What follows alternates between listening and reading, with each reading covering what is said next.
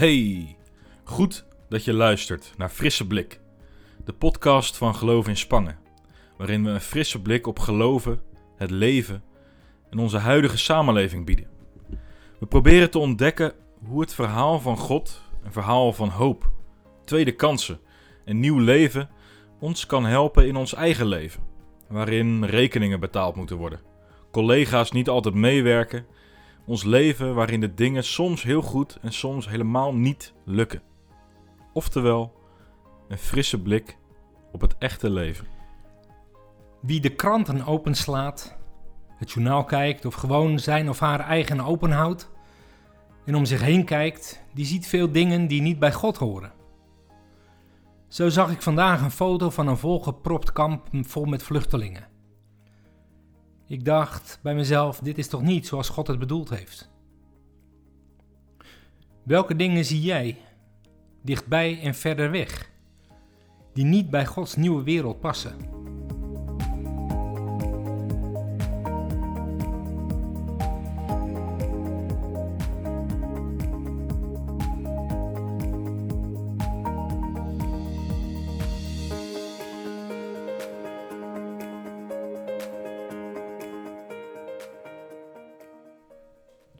Johannes waarschuwt zijn publiek in zijn eerste brief om de dingen scherp te blijven zien. Voor je het weet stomp je af. Raakt het je niet meer. Wordt alles gewoon. Misschien is dat ook wel de grootste list van de tegenstander. Dat het ons niets meer doet. Dat we onverschillig worden. Laten we eerst maar eens lezen in 1 Johannes 2, vers 12 tot 17.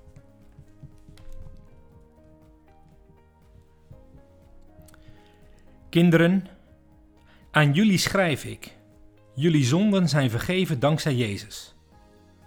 Ouderen, aan jullie schrijf ik. Jullie kennen Gods Zoon, die er al is vanaf het begin. Jongeren, aan jullie schrijf ik. Jullie hebben de duivel overwonnen. Ja, dit is wat ik jullie schrijf, kinderen. Jullie kennen de Vader. Ouderen, jullie kennen Gods Zoon, die er al is vanaf het begin. Jongeren, jullie zijn sterk Gods boodschap blijft in jullie.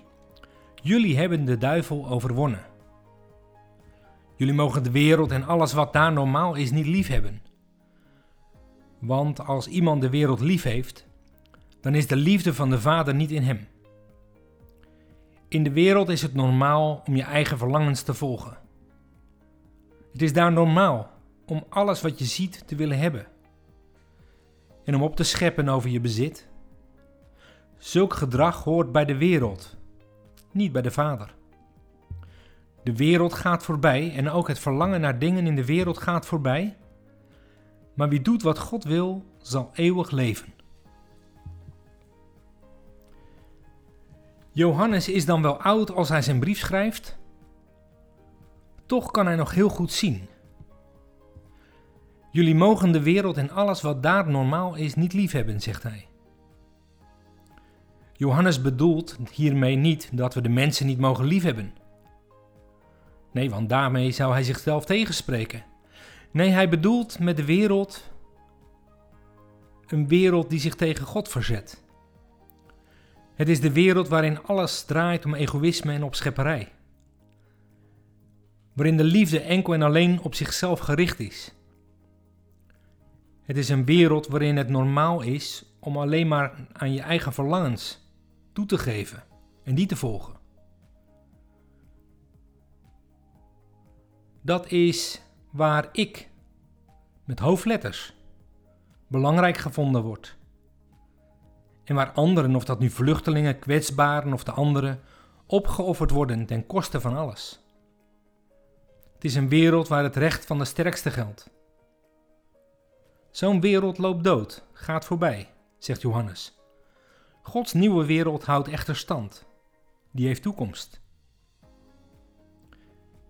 Ik zou wel eens willen weten hoe jij vandaag het verlangen voedt naar God en zijn nieuwe wereld.